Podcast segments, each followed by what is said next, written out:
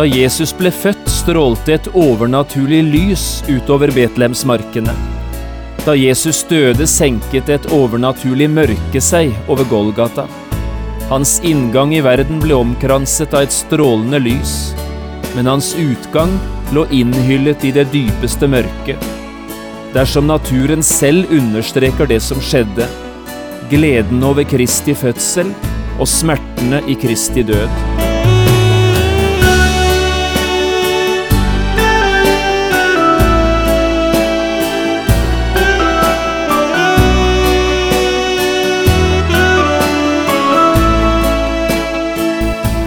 Hjertelig velkommen til et nytt program i serien Vindu mot livet. Programmet er produsert av Kristen Riksradio og blir ledet av Jon Hardang. Kristen Riksradio drives av frivillige gaver. Vi er glade for din støtte.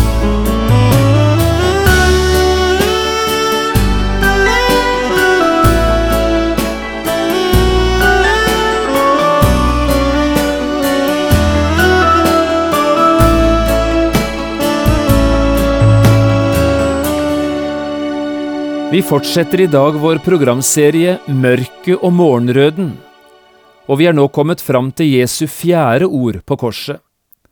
Det har blitt stummende mørkt ute på Golgata, og det er nå Jesus begynner å rope. Vi leser fra Matteusevangeliet i kapittel 27, versene 45 til 50. Jeg har kalt dagens program Jesus roper. Men fra den sjette time falt det et mørke over hele landet like til den niende time. Og ved den niende time ropte Jesus med høy røst, Eli, Eli, lama sabachthani. Det betyr, Min Gud, min Gud, hvorfor har du forlatt meg?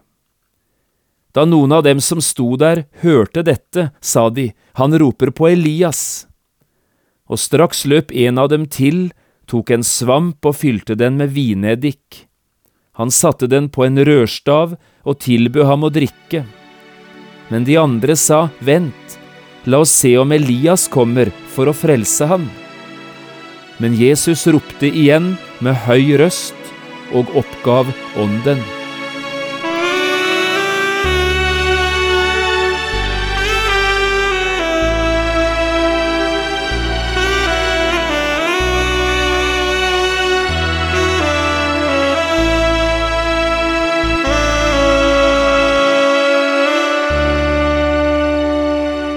Da Jesus ble født, strålte et overnaturlig lys utover Betlehemsmarkene.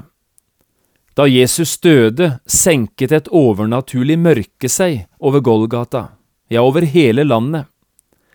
Da budskapet om Frelseren som nå var født, skulle forkynnes for hyrdene, skriver Lukas, Se, en Herrens engel sto hos dem, og Herrens herlighet lyste om dem. Men da Jesus hang spikret fast til korset, i ferd med å skulle dø, skriver altså Matteus det vi her leste. Fra den sjette time falt det et mørke over hele landet, like til den niende time. Hans inngang i verden ble omkranset av et strålende lys, men hans utgang av verden lå innhyllet i det dypeste mørket. Det er nesten som naturen selv understreker det som nå skjer, gleden over Kristi fødsel og smertene i Kristi død. Vi møter mørket og morgenrøden. Skyfri himmel, strålende sol og lys og varme, det ville ikke ha passet inn som ramme for dette forferdelige som skjer når Guds egen sønn lir døden på korset men det intense mørket passer inn, da solen ikke orket å skinne mer, da blomstene lukket seg til og ingen fugl lenger klarte å synge, da understrekes det fryktelige som nå er i ferd med å skje. Dersom naturen selv sørger for et passende bakteppe for denne scenen som utspiller seg ute på Golgata. Gud valgte den mørke bakgrunn for å fremheve alvoret og det rystende i det som fyller denne stunden. Min Gud, min Gud, hvorfor har du forlatt meg? Slik lyder dette ropet som spjerrer stillheten etter tre lange og mørke timer på Golgata. Disse ordene inneholder nok et av de største mysterier vi overhodet møter i historien om Jesus fra Nasaret. Jesus, Guds egen sønn, Gud og menneske i en og samme person, forlatt av Gud. Hvem kan fatte slikt? Jesu rop er et rop i angst, og det mørke Jesus følte, var et virkelig og trykkende mørke. Gud Fader snur ryggen til sin egen sønn, idet han bærer all verdens synd inn under Guds vrede og dom. En kort stund blafrer livets lys, verdens lys, før det dør ut. Men disse gåtefulle ordene gir oss kanskje sterkere enn de fleste andre ord en slags idé om hvilken smerte Jesus holdt ut da han gjorde opp for alle våre synder, og en liten anelse om hva det gikk ut på, det Gud hadde planlagt fra evighet av, i sin store kjærlighet til verden. Resultatet av det Guds sønn måtte gjennomgå, er imidlertid vidunderlig. Jesus ble forlatt av Gud, for at ingen av oss, verken du eller jeg eller noe menneske, skulle oppleve å bli forlatt noen gang.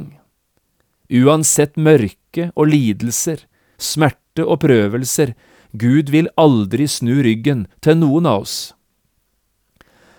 Som du sikkert vet er programserien Vindu mot livet, iallfall for en del, et samarbeidsprosjekt med en amerikansk programserie, Insight for Living og Chuck Swindle, som er forkynner og leder for denne amerikanske bevegelsen, fortalte en gang hvordan hans radioprogram også blir hørt av fanger som sitter i fengselet på grunn av alvorlige forbrytelser. Og av og til kommer det brev tilbake til radioen fra slike mennesker. Dette er noen av de mest tragiske og mest hjerteskjærende brevene vi får, sier Chuck Swindle. Noen av disse menneskene setter ord på de følelsene de fikk i perioder av isolat, da de altså satt isolert i forhold til andre fanger i fengselet. Det skapte en følelse av å være totalt ensom, isolert og forlatt, og det var en så grusom følelse at den bare ikke kan beskrives. Den må erfares, skriver disse menneskene, om du virkelig skal forstå den. Det kunne dreie seg om dager, av og til også uker, og du var totalt isolert i forhold til andre mennesker. Du hadde bare det nødvendigste i rommet der du satt, en hard, smal seng, et toalett og så en vask. Det var lyst noen deler av døgnet og mørkt i andre deler, og ellers var det bare denne uendelige, grusomme stillheten. Slike fanger bruker en del forskjellige ord for å beskrive disse følelsene, og det er nesten desperate uttrykk de vi hører om. Ord som forlatt, ulykkelig, å gå fra vettet, å miste forstanden, ensom, håpløs, fortapt og glemt, det er ord som går igjen i brevene som kommer, forteller Chuck Swindle. Og det er vel omtrent dette uttrykket Jesus bruker her på korset. Eli, Eli, lama sabachthani. Min Gud, min Gud, hvorfor har du forlatt meg? Jeg synes nesten det går kaldt nedover ryggen på en, om en prøver å leve seg inn i et uttrykk som dette. Enda det å leve seg inn i det selvsagt er en umulighet både for deg og meg. Den enorme angsten Jesus har kjent, kan vi bare ikke forestille oss. Min Gud, min Gud, hvorfor har du forlatt meg? La oss et lite øyeblikk prøve å tegne den situasjonen vi møter her, altså bakgrunnen for dette Jesu fjerde ord på korset. Jesus er altså et korsfestet menneske når han her roper. Det er noe fryktinngytende ved det å befinne seg i en slik situasjon, korsfestet. Dette varte jo ikke 10–15 minutter. Det kunne vare i timer, av og til også i dager. Jesus hang spikret fast til korset i seks timer. Det er kanskje ikke så lenge i forhold til det andre opplevde, men det er mer enn lenge nok. Både hender og føtter er spikret fast, du kan ikke bevege deg, du kommer ikke løs, og du vet at ingen kommer fra denne situasjonen med livet i behold, du kommer til å dø, før eller siden. Bare det å lese om slike ting, og forsøke å se for seg situasjonen så konkret som det er mulig å gjøre det, skaper enormt sterke følelser hos alle som gjør det. Jeg er ikke i stand til å forklare helt hvorfor, men det skjer hos meg, syns jeg, nesten hver gang jeg leser om Jesu død. Følelsene kommer, det ene eller det andre, sterke følelser. Det er noe som tar tak, noe som griper en i hjertet, og som sier hvordan kunne du klare dette, Jesus? Da Jesus kom med sine tre første ord på korset, var det altså enda lyst. Alle disse tre ordene er uttrykk for Jesu ufattelige kjærlighet og omsorg for andre mennesker. Han tenker jo ikke på seg selv. Først talte han med tanke på alle dem som mishandlet han og plaget han. Far, forlat dem, for de vet ikke hva de gjør. Så snakker han til forbryteren som hang på den ene siden av Jesu kors. Sannelig sier jeg deg, i dag skal du være med meg i paradis. Og så, som det tredje, taler Jesus til de to som kanskje sto han nærmest i livet. Kvinne, se det er din sønn. Sønn, se det er din mor. Det er Maria og disippelen Johannes dette handler om. Men så kommer mørket, i de tre lange gudsforlatte timene. Og i løpet av disse tre timene blir det ikke sagt ett eneste ord. Det er mørkt, stille og gudsforlatt. Mørket ligger der som et tungt teppe, både over naturen og over menneskehjertene. Men etter disse tre lange, mørke timene kommer så Jesu fire siste ord på korset. Og nå er det seg selv Jesus snakker om. Enkelte historikere kan fortelle oss at det ikke var uvanlig for en som led døden på en så grufull måte, å begynne å banne eller bruke forferdelige ord når det nærmet seg slutten. Det virker som det bare er det styggeste språket, som er passende i møte med det styggeste av alt, som heter død. Men Jesus bannet ikke, og han brukte aldri stygge ord, heller ikke her på korset. Når Peter skriver om Jesus, sier han, han som ikke gjorde synd, og det ble ikke funnet svik i hans munn, han som ikke skjelte igjen da han ble utskjelt, og ikke truet når han led. Og når Jesaja ser han langt der framme, så skriver han, Han ble mishandlet, og han ble plaget, men han opplot ikke sin munn, lik et lam som føres bort for å slaktes, og lik et får som tier når de klipper det, han opplot ikke sin munn. Jesu fjerde ord på korset må ha vært det mest smertefulle av dem alle. Både hos Matteus og hos Markus er dette det ene store som gjengis av alt det Jesus sa på korset. Men denne ene setningen er kanskje også den sterkeste i hele evangeliefortellingen, både hos Matteus og hos Markus. Min Gud, min Gud, hvorfor har du forlatt meg? Matteus tegner denne situasjonen med tydelige streker. Fra den sjette time ble det mørke over hele landet, like til den niende time. Dersom naturen selv bøyer seg i medfølelse når Skaperen nå blir tatt av dage, dersom naturen kan se det som foregår, og gjør det med et knust hjerte, det er som om naturen ikke lenger klarer å gi fra seg verken lys eller varme. Og så lyder ordene Min Gud, min Gud, Hvorfor har du forlatt meg? La oss prøve å nærme oss litt disse ordene Jesus her bruker. Dette vi altså kaller Jesu fjerde ord på korset. Det første vi legger merke til, er dette. Det står at Jesus ropte.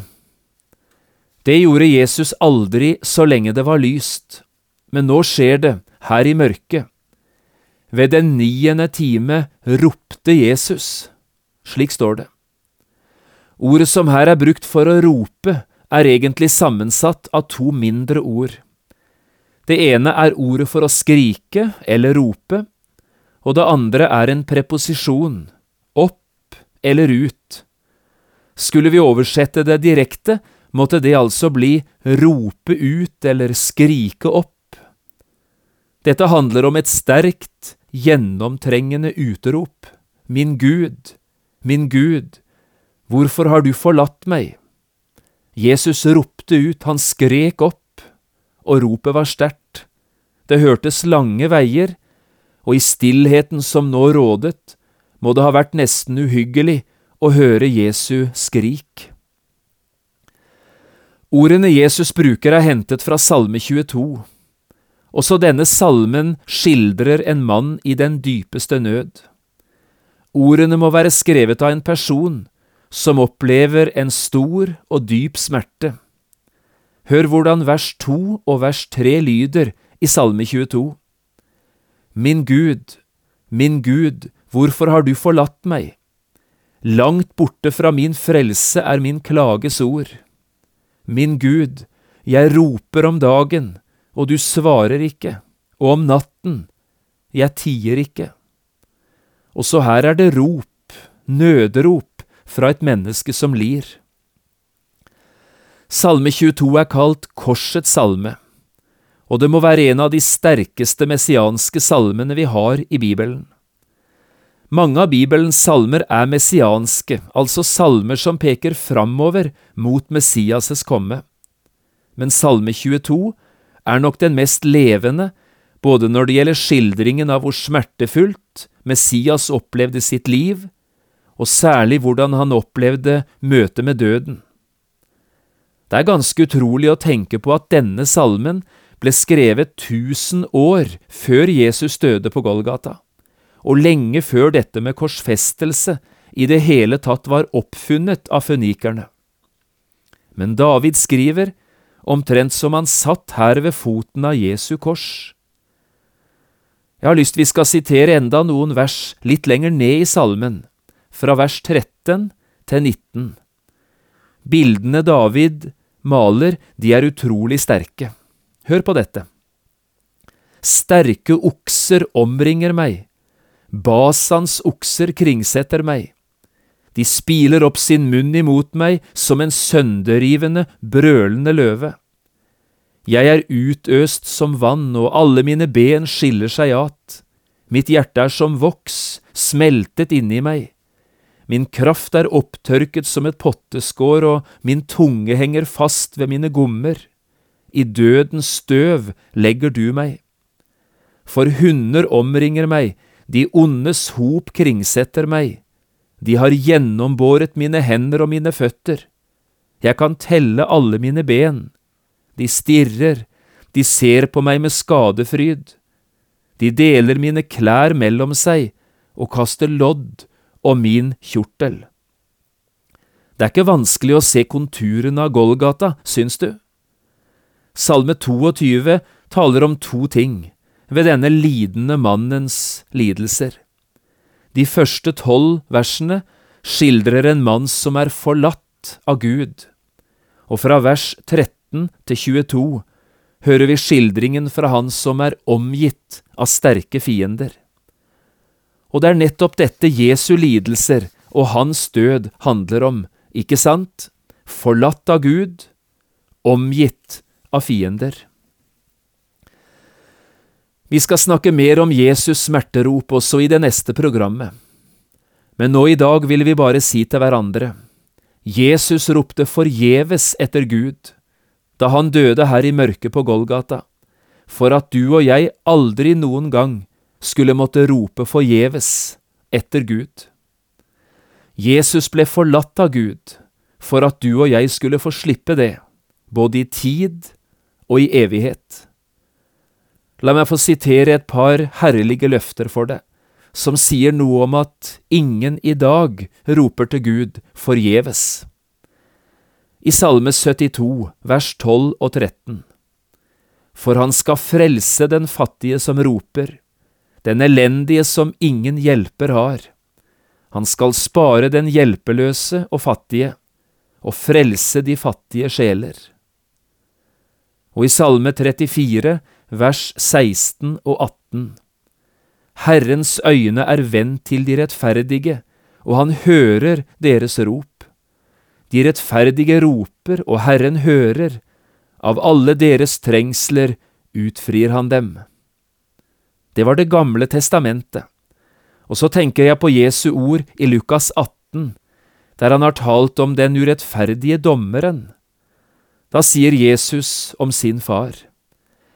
Men skulle da ikke Gud hjelpe deres utvalgte til deres rett, de som roper til ham dag og natt?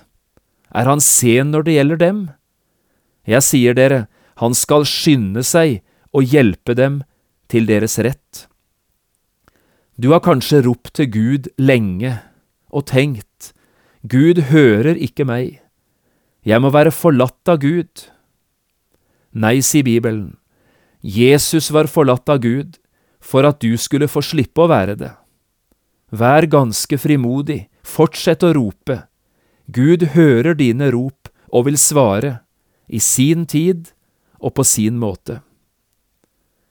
Helt til slutt, det var noen av Jesu tilskuere som sto her ved Jesu kors, som ropte hånlig mot Jesus. Andre har han frelst, seg selv kan han ikke frelse.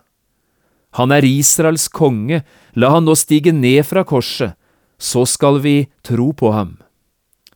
Slik ropte Jesu fiender. Men det var ikke avmakt som hindret Jesus fra å stige ned.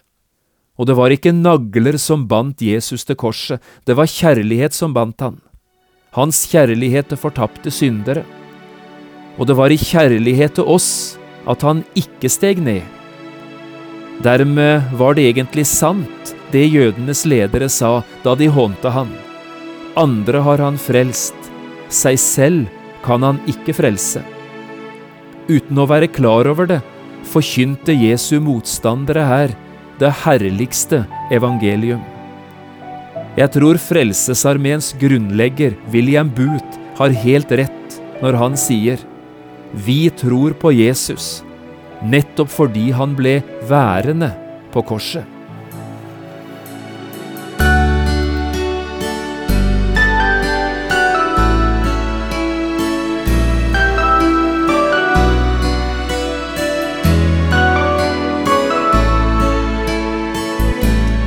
Du har lyttet til et program i serien Vindu mot livet med John Hardang. Programmene i denne serien kan også kjøpes på CD fra Kristen Riksradio eller høres på internett på p7.no. Har du spørsmål eller kommentarer til det du nå har hørt, kan du ta kontakt med oss. Adressen er Kristen Riksradio, Knappskog 5353 Straume, eller e-post vml krøllalfa p7.no. Takk for i dag, og på gjenhør.